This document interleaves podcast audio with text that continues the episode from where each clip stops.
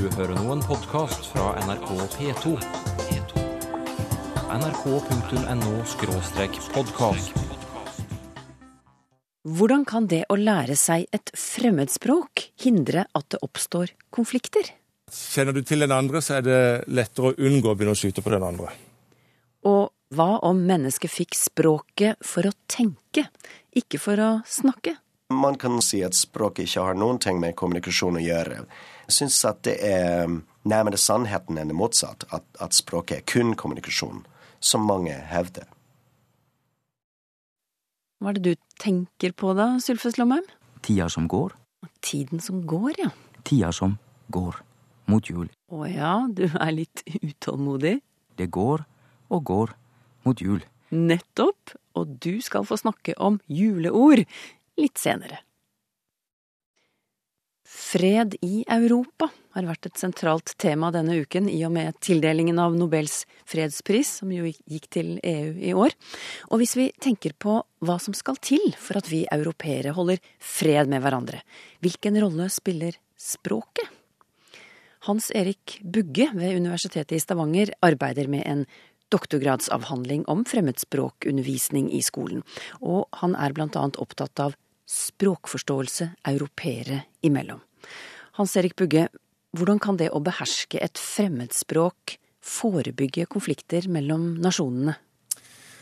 I eh, lingvistikken, altså språkvitenskapen, så snakker man ofte om babelsk eh, forvirring, eller Babels tårn, Ja. fra Bibel, Bibelen, eh, som er interessant. fordi eh, det er jo et, eh, en metafor, et, et bilde på hva som skjedde den gangen menneskene ikke lenger snakket samme språk. Da ble det samarbeidsproblemer. Og, eh, og det er noe av poenget her at eh, skal man samarbeide, så må man ha dialog. Man må kunne snakke sammen, rett og slett. Eh, Og da i europeisk sammenheng er det slik at hvis du tenker at eh, man har et sammensurium av språk i Europa, og der dermed ikke klarer å kommunisere ordentlig, så bygger det seg opp misforståelser og forestillinger om den andre, altså om de som ikke er som en selv, som ofte kan bli, bli fastmeisla og nedarva i generasjoner. Du, eh, bare stoppe deg litt. Har du, Ja. har du et eksempel fra historier som viser hvordan slike språkbarrierer har skapt konflikt mellom to eller flere land? Ja. Eh, På Balkan f.eks., under Balkankrigene eh, på 90-tallet, så var det jo veldig ofte slik at eh, der hvor det var harde konfliktlinjer, så var det også ofte språklige skillelinjer. Serbokroatisk var på sitt vis et felles språk før, før oppløsningen av Jugoslavia, selv om serbisk og kroatisk egentlig var to forskjellige språk. Eh, Etter hvert da så snakker man mer om serbisk og kroatisk som to forskjellige språk, eh, for de er såpass forskjellige. Altså, Skillelinjer oppstår etter hvert der hvor det var et språklig fellesskap som da revner, og så får du to forskjellige språk. Og i Spania eh, har man jo hatt eh, store problemer med separatistbevegelser. Eh, I Baskoland mer voldelig, eh, for så vidt. I Catalonia mer av politisk art. Og delvis også i Galicia oppe i Nordvest-Spania. Og både i Galicia, Catalonia og i eh, Baskoland så snakker man språk som da ikke er klassisk standardspansk. Med andre ord, en ser veldig fort at du får politiske konfliktmønstre av mer eh, eller mindre voldelig art, der hvor det samtidig finnes språklige skillelinjer. Men de forstår hverandre, selv om de ikke snakker den samme spansken, gjør de ikke det? da? Det sånn Jo, altså, klart som i Spania så må, så må også alle lære seg spansk, men, men, eh, men du får samtidig en identitet knytta til språket ditt. Man eh, forbinder noe med det språkfellesskapet man tilhører, eh, og det legges da oppå ofte andre forestillinger man har om hvem de andre er. Men du, hva skjer med forholdet mellom grupper eller nasjoner som, som har et språk å kommunisere med? Som har, eh, som har funnet et språk som de kan snakke sammen på? Eh, Veldig ofte så får man da i gang en, en dialog, og og det er mulig å rive ned eh, negative forestillinger om hverandre, og, og derigjennom skape et grunnlag for, for fredssamarbeid. og eh, eh, i- Innad i EU, f.eks., uten, uten å snakke om selve fredsprosjektet i EU, for det er jo politisk omstridt, men, men eh, rent språklig sett er det klart det at man prøver å samkjøre språkundervisningen i Europa for å skape et grunnlag for felles dialog, er en del av EU-prosjektet i fremmedspråksundervisningsmessig forstand. Så det er klart, altså, Man har forskjellige språk i Europa, og, og eh, det vil det nok også være inntil videre. Men, Men eh, man prøver å samkjøre og samordne språkopplæringen i Europa, slik at flest mulig mennesker kan forstå flest mulig andre mennesker. For derigjennom ha størst mulig grunnlag for å skape dialog, og dermed også grunnlag for, for mulig eh, samarbeid. Ja, du, her, her passer det jo å nevne et initiativ fra Europarådet. Som jo ikke har noe med EU å gjøre, men som er en selvstendig organisasjon. De har laget et felles europeisk rammeverk for språk. Hva går det ut på? Det går ut på at man har eh, satt opp en del felles kriterier som eh, skal være gjeldende i, innenfor eh, Europa i forhold til språk- og kulturundervisning. Altså hvor man skal søke å strømlinjeforme, gjøre, sette opp felles kriterier for vurdering, for undervisning, for å sikre størst mulig grad av gjennomføring av felles prinsipper over hele kontinentet. Og dette er da også kriterier som er nedfelt i, i norsk utdanningspolitikk. Mm. Så Det betyr at norske skoleelever vil være påvirka i sin fremmedspråksundervisning av eh, dette større felleseuropeiske prosjektet å, som går mot det å utdanne europeere til, til, å bli flerspråklige og ha interesse for andre kulturer og andre språk. Men hva er ideologien bak et slik felles europeisk rammeverk for eh, språkundervisning?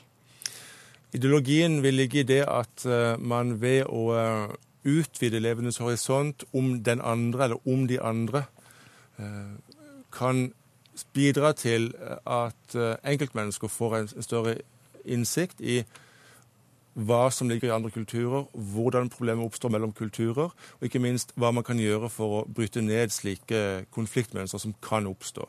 Det vil være en overordna ideologi i forhold til slike et slikt rammeverk. Altså man, man eh, vil se på eh, Man vil bryte ned eh, misoppfatninger av den andre.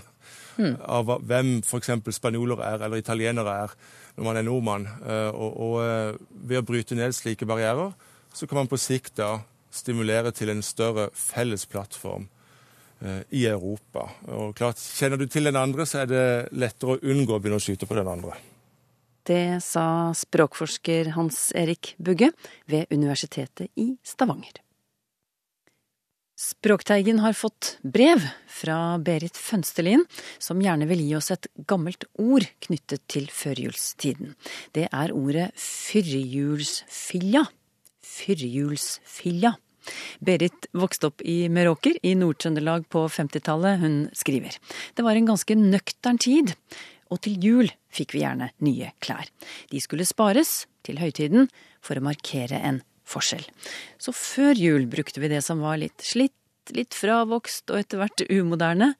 Det var mye arbeid som skulle gjøres også, som vasking, baking og annen matlaging, og da skulle en ikke slite på nye klær. Vi brukte fillene, fyrjulsfiljan, før jul. Kanskje noe til ettertanke i vår moderne førjulstid, spør Berit Fønstelin og fortsetter med alle julebordene vi går på fra oktober og utover, så er kanskje nyklærne blitt til filler før jul? Hvorfor utviklet mennesket språket? For å snakke med hverandre, så klart, det er jo det vi har lært. Men sett at det ikke var sånn. Sett at språket ble skapt for å tenke med. Det er denne siste teorien de arbeider etter, forskerne ved senteret Castel i Tromsø, når de undersøker all verdens tungemål på jakt etter språkets opprinnelse, er utgangspunktet deres at språket oppsto for at vi skulle kunne tenke med det. Språkprofessor Peter Svenonius ved Castel, hvorfor mener du det er usannsynlig at mennesket utviklet språket for å snakke med andre mennesker? Ja, så det er fordi at uh, hver gang det oppstår en konflikt mellom en slags rask intern behandling av betydningsfull eh, innhold og eh, utvetydig overføring av informasjon, dvs. Si kommunikasjon, så, så finnes språk på en løsning som er bedre for beregning av innhold enn for kommunikasjon. Dette må du gi et eksempel på. ja. Så for eksempel um, Tenk på pronomen. Mm. Uh, du kan tenke på pronomen som en slags pekefinger Så uh, hvis jeg skal peke på forskjellige mennesker, uh, så trenger jeg ikke bruke forskjellige fingre. Fordi jeg kan, jeg kan gjøre, bruke samme finger til å peke på flere forskjellige mennesker. Så på samme måte så kan jeg si at han sa at han skulle komme til han eh, da han var ferdig med arbeidet sitt. Og jeg vet hva jeg mener, fordi jeg vet hvem jeg peker på. Men hvis du ikke også har eh, ganske mye kontekst og bakgrunn, så det er ikke helt utvetydig hvem er han i, i hvert tilfelle. Mm. Sant? Så du må forstå det ut fra kontekst. Språk hvis, hvis, språk var bedre egnet til kommunikasjon, så hadde kanskje, kanskje kommet noe ekstra informasjon med de pronomenene. Mm. Så, så, dette du sier nå, mener du eh, på en måte beviser i gåseøynene at vi ikke fikk språket for å først og fremst for å snakke med hverandre? Ja, nei, jeg kan ikke kalle det for bevis. Men det syns jeg kan være en fruktbar måte å tenke på språk på. Nå, mm. nå har vi i ganske mange år gått ut ifra, eller mange har gått ut ifra at språk er utviklet bare for kommunikasjon. Mm. Men det er ikke, ikke, åpenbart at det løser alle, alle problemene. Så nå tenker noen av oss på en litt annen måte. Ja. Men du, da, Og dere tenker jo da at språket først og fremst ble skapt for at vi skulle gjøre nettopp det, altså tenke. Hvordan eh, belegger du det, eller hvordan forklarer du den eh, teorien? Ja, så um, Så det er åpenbart at mennesket har noen fordeler framfor andre arter når det gjelder intelligens. Vi er, vi er mye smartere enn andre arter. Mm. Uh, vi, vi, løser problemer som andre arter ikke kan løse. Og det gjelder også arter som har ganske store hjerner, sånn som elefant og, og delfiner osv. Og, uh, og så i tillegg så har vi språk som ikke ligner i det hele tatt på noen andre eh, noen dyrkommunikasjonssystemer. Så en interessant hypotese er at de to tingene egentlig er bare én ting. At den annerledes intelligensen som vi har, og evnen som vi har til språk, kanskje er en og samme. Ja, men altså, hvorfor utviklet mennesket språk for å tenke, og ikke for å kommunisere? Ja, så i, i evolusjon sprer en utvikling seg dersom den gir fordeler. Så spørsmålet er hvorfor mennesker med språk har opplevd framgang eller har blitt så tallrik. Mm. Eh, det vil si, mennesket er den eneste, eneste i arten som, som, lever igjen. Det fantes mange andre sånn protomennesker som, som ble utkonkurrert. Så hva som var fordelen? Og spørsmålet da er var fordelen at de kunne kommunisere bedre, eller var fordelen at de kunne tenke bedre? Men bedre kommunikasjon er mest um, effektiv dersom det er noe å kommunisere. Så på en måte så kunne man si at tankene måtte komme først. Ja, og, og hvilke fordeler ga det? Altså mennesket sier du skapte eller utviklet språket for å tenke. Hvilke fordeler ga det mennesket eh, sammenlignet med andre som det var i konkurranse med? Protomennesket brukte verktøy. De brukte steinverktøy og ild, og hadde en ganske variert eh, kosthold. Eh, så det var en fordel å kunne lage mer kompliserte verktøy og ha mer kompliserte strategier for å, for å få mat, for å. For, å få fisk. Fisk er ganske komplisert for um, ape å få ut av vannet. Man må lage garn eller krok eller båt eller, uh, eller andre typer verktøy. Og en intelligent ape kan da uh, fiske, eller kan ha mer komplisert jakt og jordbruk enn en, en, en, en ape som ikke kan planlegge og resonnere og og, tenke ut problemstillinger så godt. Og det gjelder også å overleve i kalde klima og bygge hus. og um, Alt det her krever ganske mye planlegging, ganske mange trinn for å bygge et hus. Ganske mange forskjellige materialer som skal samles og, og kobles til hverandre osv. Så, videre. så jeg tror det var en stor fordel for mennesket å ha et, et bedre system å tenke med.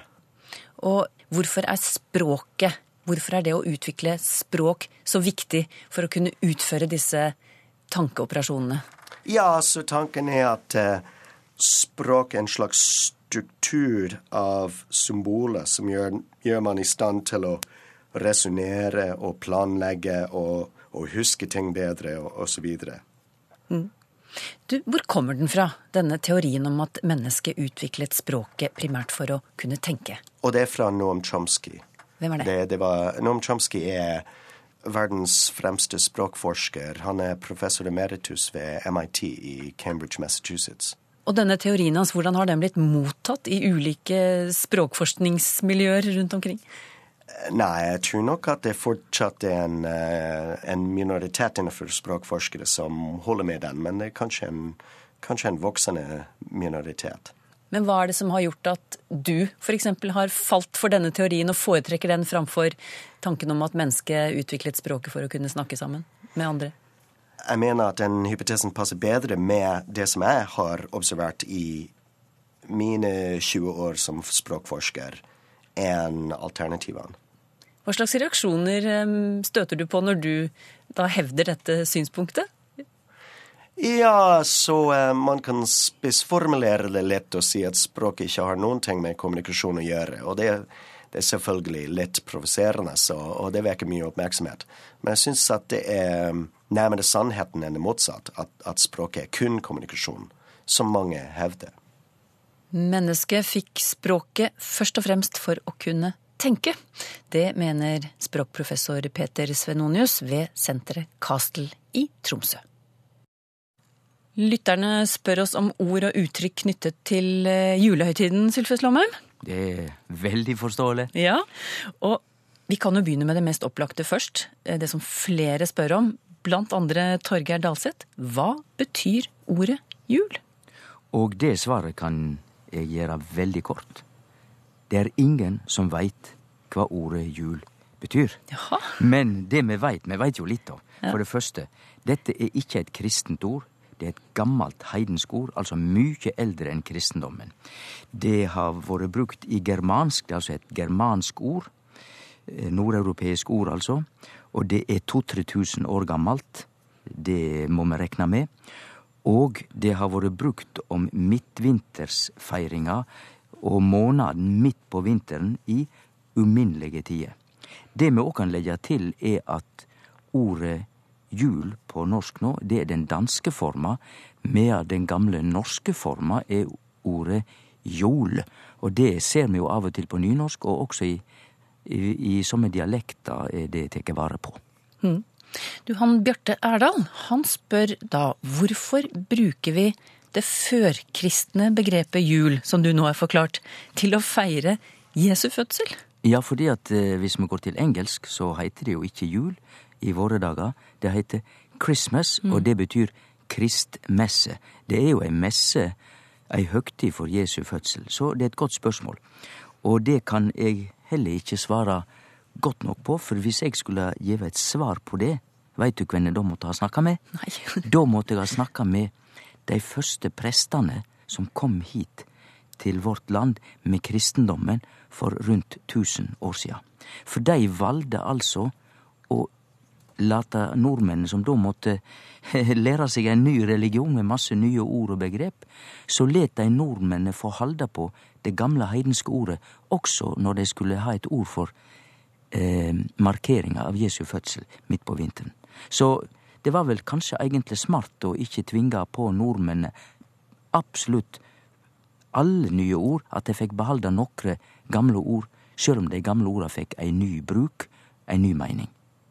Og så er det flere lyttere, blant andre Berit Karlsaune, som vil vite hvorfor vi kaller mellomjulen for romjul. Ja, eh, det har iallfall ikke noe med alkohol, rom, å gjøre. Det skulle ta seg ut. Jaha. Eh, nei, det er nok eh, For det første, romjula er jo den ikke fullt så heilage jula som resten. Altså det, de halvheilage dagene mellom jul og nyttår. Og rom i romjul er nok det samme som vi òg har i et rom, altså et eh, værelse, noe som er åpent som har et visst volum, som fyller opp, og som tek plass. Derfor romjula er på en måte den jula som fyller opp det som er mellom jul og nyttår. Oddvar Huser spør hva betyr og hva er opprinnelsen til disse to verbene det lakker og lir mot jul? Mot jul, ja. Nei, det er Her har vi et av mange tilfeller i norsk der vi sier det samme to ganger. Langt om lenge, og med brask og bram. Både brask og bram er to ord for lyd. Og eh, når det lakker og lir mot jul, så betyr begge disse verba egentlig det samme. De betyr det går mot jul. Det går og går mot jul. Fordi at å lakke er et gammelt verb for tida som går.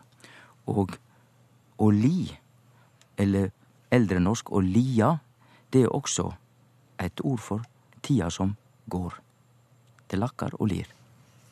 På Facebook spør Håvard Hovde hvor kommer egentlig uttrykket julebukk fra? Det kjem ifrå bukk. Og eh, det igjen må vi da tolke slik at når de kledde seg ut Dette er jo en gammel skikk. Egentlig ikke spesielt kristelig skikk, men altså en gammel skikk om at eh, de kledde seg ut og gikk med maske i våre dager, men før så hadde de bukkehorn og ja, i det hele tatt. Og difor, en julebukk var en som hadde kledd seg ut slik at han så ut som en bukk på, på hovudet. Så konkret er opphavet. Og det er som sagt en heidensk skikk.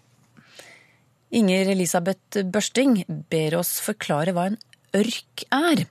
I sangen Jeg er så glad hver julekveld står det at da tenner moder alle lys, så ingen krok er mørk. Hun sier stjernen lyste så i hele verdens ørk. Hva er ørk? Det er nok eh, i slekt med yrke og virke og også det engelske work, arbeid. Altså det har med eh, det som skjer i verda, i hele verdens ørk.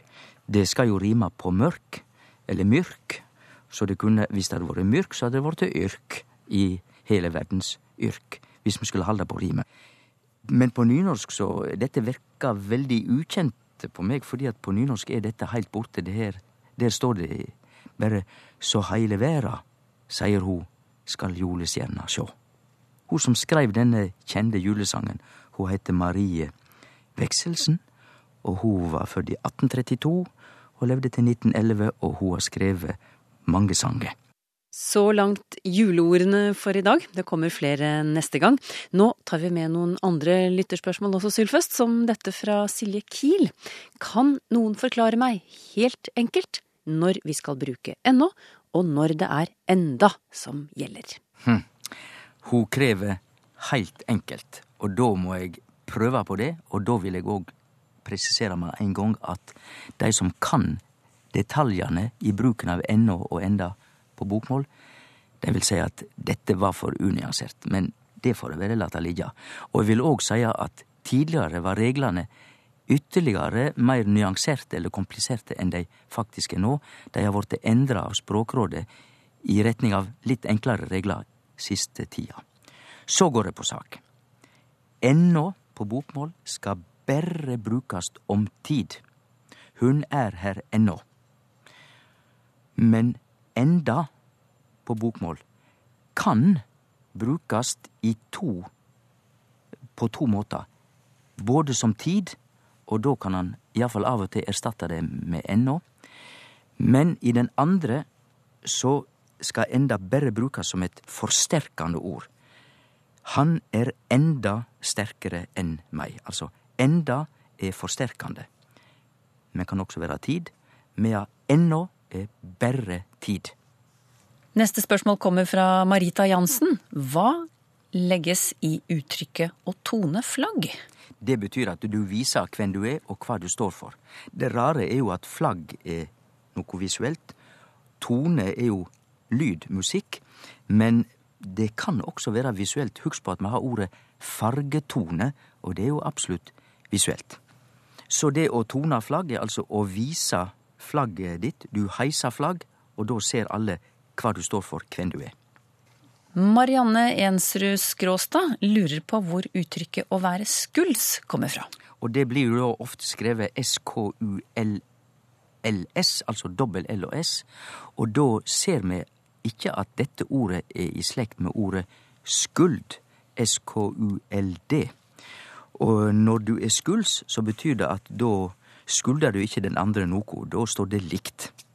Og skulsa betyr jo å gjøre opp et mellomværende mellom eh, to personer eller grupper. Hvorfor sier vi kullsviertro, spør Ingjerd Moland Sæbø. Og hva med klokkertro? Det siste, eh, klokkertro, da er du veldig trygg, og du trur fast, fullt og fast. For klokkene i kyrkja, som assisterer under gudstjenesten, han skal være fast i si tru. Og dermed er å være klokkertro, da er du eh, da er du sterk i trua. Kullsviertro er litt i samme gate. Det går attende til et yrke som vi nå ikke lenger har, nemlig de som brenner kål. Og Da lager de ei høg kålmile og setter fyr på. Hadde den brennende i veldig, veldig lang tid. Poenget er at det tok veldig lang tid. Det var en veldig lang prosess for å få ferdig kål når du skulle brenne kål. Altså, er du kullsviertro, da er du tålmodig, og du er optimist, og du tror på et resultat, sjøl om det tek lang tid. Siden vi begynner å komme i julestemning her i Språkteigen, deler jeg ut krus og T-skjorter til lyttere som har sendt oss spørsmål om juleord. I dag ble det Torgeir Dalseth, Bjarte Erdal, Berit Karlsaune, Hanne Rosenquist og Oddvar Huser. Neste sending kommer på lille julaften. Da snakker vi blant annet om stedsnavn som har jul i seg. Språkteigen om én uke.